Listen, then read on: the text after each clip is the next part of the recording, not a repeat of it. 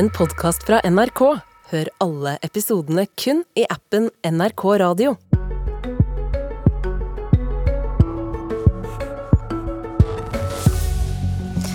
Nav, barnevern og hjemmetjenesten ber fattige gå til Frelsesarmeen for å få nok mat i magen.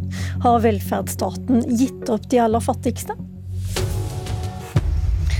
Ja, vi skygger ikke unna kontraster her i Politisk kvarter. I går snakka vi om oljebransjens gullalder, som bl.a. betyr at staten har eventyrlige skatteinntekter om dagen. I dag skal vi snakke om Fafo-rapporten som viser at matkøer vokser, og at Nav-ansatte følger brukerne sine fram til Frelsesarmeen for at de skal få ordentlige matposer. En fallitterklæring til det offentlige, sier Fafo-forsker Tone Fløtten, som står bak den rapporten. Hva sier du, arbeids- og inkluderingsminister Marte Mjøs Persen? Først vil jeg si at det er en viktig rapport, fordi at den gir oss et bedre kunnskapsgrunnlag. Eh, og så har jeg lyst til å si at velferdsstaten har ikke spilt fallitt. Eh, men den sier oss to viktige ting. Og Det ene er jo at eh, vi må utvikle velferdsstaten, sånn at vi kan eh, fange opp flere. Eh, styrke velferdsstaten på flere forskjellige områder. Velferdsstaten er ytelser for de som ikke har arbeid og faller utenfor, men det er også mye mer enn det. Det er velferdstilbud som helse, SFO-ordninger, barnehager, barnetrygd, alt dette. Og nå kommer du langt opp i den store overbygningen, følte jeg, mens jeg prøvde ja. egentlig å dra opp det bildet av en Nav-ansatt som ikke har noe mer hjelp å gi. så Derfor så tar de brukerne sine med til eh, Frelsesarmeen. Syns ja. du det er ålreit? Nei, og Så sier det oss da den andre tingen som jeg mener også er viktig, nemlig at vi er nødt til å styrke Nav og gi Nav de virkemidlene eh, som de trenger. Eh, når det gjelder dette konkrete spørsmålet knyttet til om Nav-ansatte følger brukere til eh, Frelsesarmeen, så synes jeg at, eh, at, det kan jo være et litt sammensatt spørsmål. Eh, fordi at dersom det er slik at man følger brukere til Frelsesarmeen fordi at ikke de har muligheter til å hjelpe, eh, så er jo det helt feil. For eh, Nav plikter jo å hjelpe. Sosialtjenesteloven har et stort rom for både skjønn og individuelle vurderinger, og skal også ta høyde for de kostnadsøkningene som skjer nå i den ytelsen som utbetales. Men hvis det er sånn at de viser til Frelsesarmeen for et supplement, så synes jeg at det stiller seg litt annerledes. Og det er jo fordi at Frelsesarmeen og det frivillige er jo mer enn matutdeling. Det er jo også, og det kommer jo også klart frem i rapporten, et viktig sosialt uh, møtested. Uh, og et sted der uh, frivilligheten tilbyr også mer enn konkret mat, nemlig mellommenneskelig kontakt og et støtteapparat. Mimir Kristiansson, du er stortingsrepresentant for Rødt. Er du like positivt innstilt til denne frivilligheten som virkelig stiller opp for de fattige?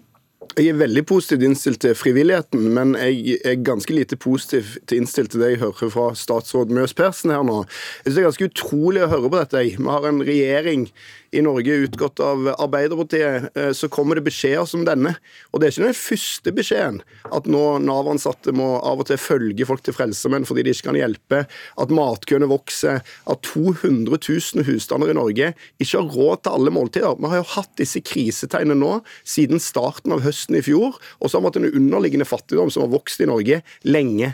Og da sitter man her og bare sier at alt er såre vel, velferdsstaten har ikke spilt for litt, og så begynner man å forklare hvordan den fungerer og alt mulig. Det er vel og bra, men spørsmålet man må svare på er jo hva er det man har tenkt å gjøre, helt konkret. Og jeg opplever dessverre at politikerne for de store partiene og regjeringen ikke har tatt dette inn over seg. Altså ikke forstår at dette er en alvorlig krise i livene til mange hundre tusen nordmenn. De har ikke råd til mat eller strøm. Og da skulle jeg ønske da, jeg skulle ønske at regjeringen tromma sammen alle de parlamentariske lederne på Stortinget i morgen en dag, sa nå setter vi oss ned i dette rommet, og så går vi ikke ut herfra før vi blitt enige om hvordan vi kan løse denne krisen. Men jeg opplever at i motsetning til når det var koronapandemi, i motsetning til når vi skal finne penger til Ukraina, så er det ikke den tilsvarende forståelsen av at dette er veldig veldig alvorlig for oss. Og... Okay, vent, vent, litt, Mimir Kristiansson, for vi skal komme tilbake til hva som må gjøres. Jeg har lyst til å ta med Henrik Henrik Asheim, også du er nestleder i Høyre. Dere pleier å være veldig positive til private tilbydere, i hvert fall sånn som kommer i tillegg til offentlig sektor. Og da er det jo ikke bare Nav-ansatte som man kan lese om i denne Fafo-rapporten. Det står også her at f.eks. hjemmetjenesten samarbeider med Frelsesarmeen for at de gamle skal få god nok ernæringsmessig mat. Mm. Og det står at barnevernet sier at nå har ikke vi mer hjelp til dere, så nå må du gå frelse, til Frelsesarmeen for å få matpose. Er det sånn det skal være? Det skal ikke være sånn at eh, det offentlige ikke har et apparat eller ordninger som er gode nok til å hjelpe, eller at hjemmetjenesten har god nok mat til at de må henvise til frivilligheten. Men samtidig kan man, som statsråden også er inne på, anerkjenne den jobben frivilligheten også gjør. Så det er to situasjoner på en gang. Og Jeg syns denne rapporten er interessant, fordi det vi er nødt til å gå inn i nå som politikere, det er om Nav ikke har verktøyene som gjør at hvis du kommer til dem, du faktisk ikke har penger til å betale for boutgiftene dine, for maten du får, og Nav da ikke har verktøyene til å gi den ekstra hjelpen du trenger for å kunne dekke de helt grunnleggende behovene dine, og derfor blir henvist til frivilligheten, så er ikke det godt nok. Men hvis det er slik at også Nav gjør brukere oppmerksom på at det finnes et tilbud Senest i går var jeg i Bergen-området og besøkte både matutdelingsstasjon der på noe som heter Basecamp. De viste jo til særlig ukrainske flyktninger som kom og hentet mat akkurat der. Og jeg besøkte Kirkens Nødhjelp, som har en kafé hvor de både har arbeidstrening, men også deler ut gratis mat etter at de har stengt i gåseøynene. Slik at dette er jo en del av samfunnet vårt som tar vare på folk. Men det offentlige skal sørge for at alle har grunnleggende behov dekket, og at det også skal dekkes gjennom de offentlige ytelsene vi har. Men eh, Marte Mjøs Persen, la oss gå da til hva som må gjøres. fordi at eh, Det Frelsesarmeen reagerer på, det er jo at disse matkøene vokser, og at det stadig større andel av jobben blir lagt på dem og Matsentralen og andre frivillige. Hva skal du gjøre for å bedre forholdene til de som sliter mest? Ja, og Det er jo det som er kjernespørsmålet her. og Etter at denne undersøkelsen ble gjort, så har jo statsbudsjettet for inneværende år begynt å virke. Eh, og Der har vi jo økt bl.a. Eh, satsene for minstepensjon. Der har barnetrygd for enslige forsørgere økt. Der har vi satt ned prisen for, på barnehage, og også gjort eh, SFO gratis for første- og andreklassinger. Så det er jo gjort en god del ting. Og så kom en ny undersøkelse senest i går som viser at like mange sliter sliter fortsatt folk eh, med de høye prisene. Og Vi kommer jo nå til våren hvor trygdeoppgjøret, eh, nettopp fordi at Stortinget har vedtatt eh, regler for hvordan trygdeoppgjøret skal gjøres, kommer til å ta høyde for den lønns- og prisveksten som nå er i samfunnet. Og Regjeringen har også varslet at vi vil komme tilbake til RNB for å ta høyde for de ekstra prisveksten og lønnsveksten som har vært i, i samfunnet. Men, RNB, jeg må bare forklare litt. RNB det er altså revidert nasjonalbudsjett, og så kommer trygdeoppgjøret også til våren. Kristiansson.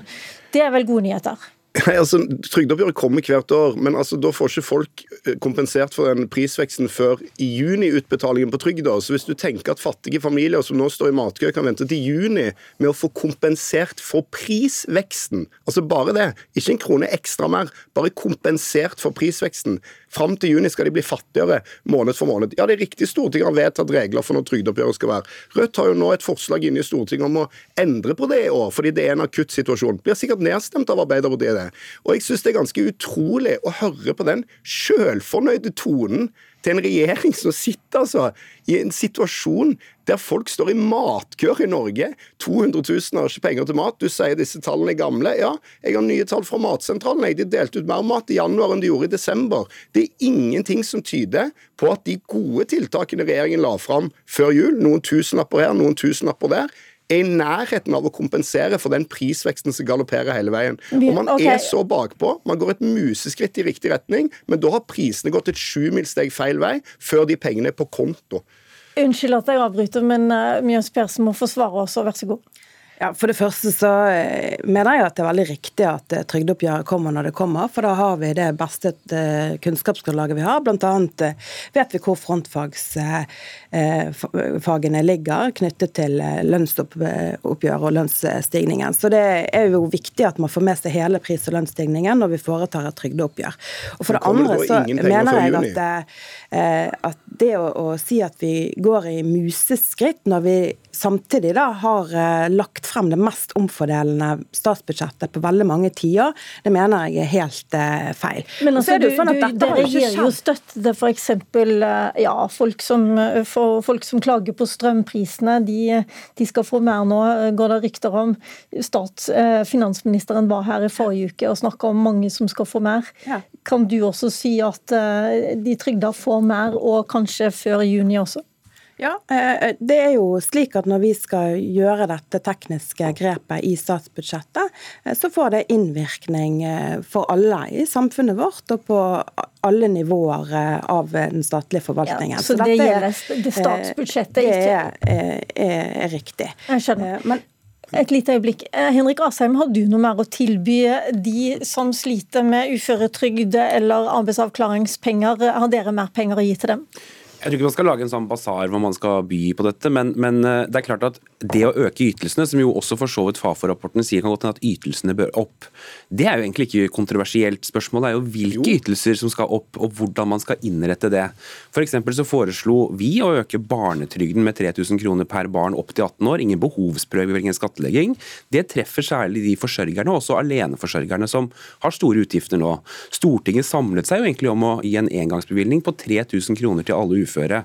Og Da vi satt i regjering, så var vi også veldig opptatt av å sørge for at uh, gratis kjernetid for de med dårligst råd, billigere barnehage for de med lavere inntekt. I budsjettet vårt også foreslår vi enda billigere barnehage for de med lavest inntekt. Så det er mange måter å kompensere de med dårlig råd på.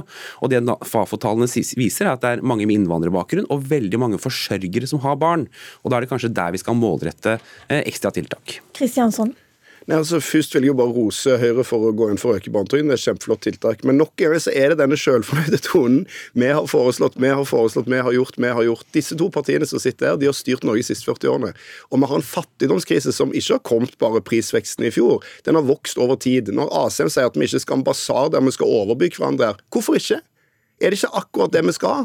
Skal ikke norske partier konkurrere om hvem som kan være best for de fattige? Er det ikke akkurat den basaren vi bør ha i norsk politikk? At folk anstrenger seg for å finne ut hvem er det som vil gjøre mest for de som har aller minst i landet. Men det generelle løftet, det er jo at alle ytelsene bør opp alle minsteytelsene i velferdsstaten. Barnetrygden er for lav, minste uføretrygd er langt under fattigdomsgrensa, minstepensjon langt under fattigdomsgrensa, sosialhjelpen ikke til å leve av. Alle disse ytelsene bør kraftig opp, og det må det sikkert lages en opptrappingsplan og et nasjonalt forlik om og et eller annet sånn og sånn, men det er ikke en teknisk regelendring du løser i trygdebudsjettet eller trygdeoppgjøret. Det er noe som statsministeren og regjeringen bør ta lederskap, samle partiene, og så får vi bli enige om å finne de pengene. Trekk pusten, Kristiansson. Vi hører på Mjøs Persen. Eh, det foregår en diskusjon også internt i Arbeiderpartiet nå om hvordan man kan gjøre mest for dem som sitter nederst ved bordet. Annet har Rina Mariann Hansen, Oslo byråd, kalt arbeidslinja for et fryktelig begrep. Man sier at eh, man har kjørt for hardt på at alle skal i jobb, eh, mens det man må gjøre nå er å se på disse ytelsene. Ja, og jeg eh, tenker at Det som jeg er helt enig med Kristiansand i, er jo at denne utviklingen har skjedd over tid. Eh, der eh, flere har blitt eh, fattige gjennom en lang tidsperiode. Eh, og Vi har jo gjort noe med alle de ytelsene som Kristiansand nevnte her. sant? Eh, både minstepensjon og minst, sosialhjelpssatsene har vi jo økt veilederen for to ganger, samt at vi har kommet med denne veilederen til, om sosialhjelp som sier at man skal bruke mer skjønn. Eh, og vi har økt eh, altså barnetrygden for enslige forsørgere.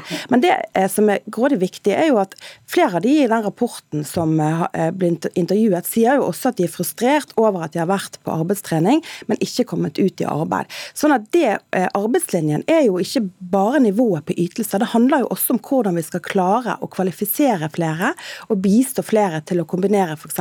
trygd og arbeid, men også være varig i arbeidslivet. Betyr det at fokuset på arbeidslinja, nemlig at det viktigste å få folk i jobb. Det skal bare fortsette. Du er ikke enig med din eh, Arbeiderpartikollega? Nei, og som jeg sa innledningsvis, så sa jeg det at vi må, vi må, sørge for at velferdsstaten fanger opp flere. sånn at eh, dermed er liksom det med nivået på ytelsene helt riktig å se på. Men vi må holde oppe fokuset på å bistå enda flere til å komme ut i arbeid. Vi har 100 000 under 30 år som står utenfor arbeid eller utdanning. Det er en helt uholdbar situasjon som vi er nødt til å eh, ha en innsats for. og Det er derfor vi har eh, satt fokus på ungdomsgarantien, hvor vi skal ansette langt flere Nav-veiledere som kan følge opp hver enkelt individrettet okay. og arbeidsrettet. Asheim til slutt. Jeg tror bare det er viktig å si at det er ikke selvfornøyd å ha andre løsninger som partier. og det som Man så fra 2018 til 2021 at det ble færre barn som vokste opp i varig lavinntekt. Hvorfor det? Fordi vi økte barnetrygden og reduserte barnehageprisene for de som hadde minst. og Da er det verktøy vi vet virker. Ok, Vi har hatt mange diskusjoner tidligere om barnetrygd. Vi får ta eh, flere senere. Dette var et politisk kvarter og det vi vil rekke nå. Tusen takk for at eh, dere var med i dag. Mitt navn er Lilla Sølhusvik.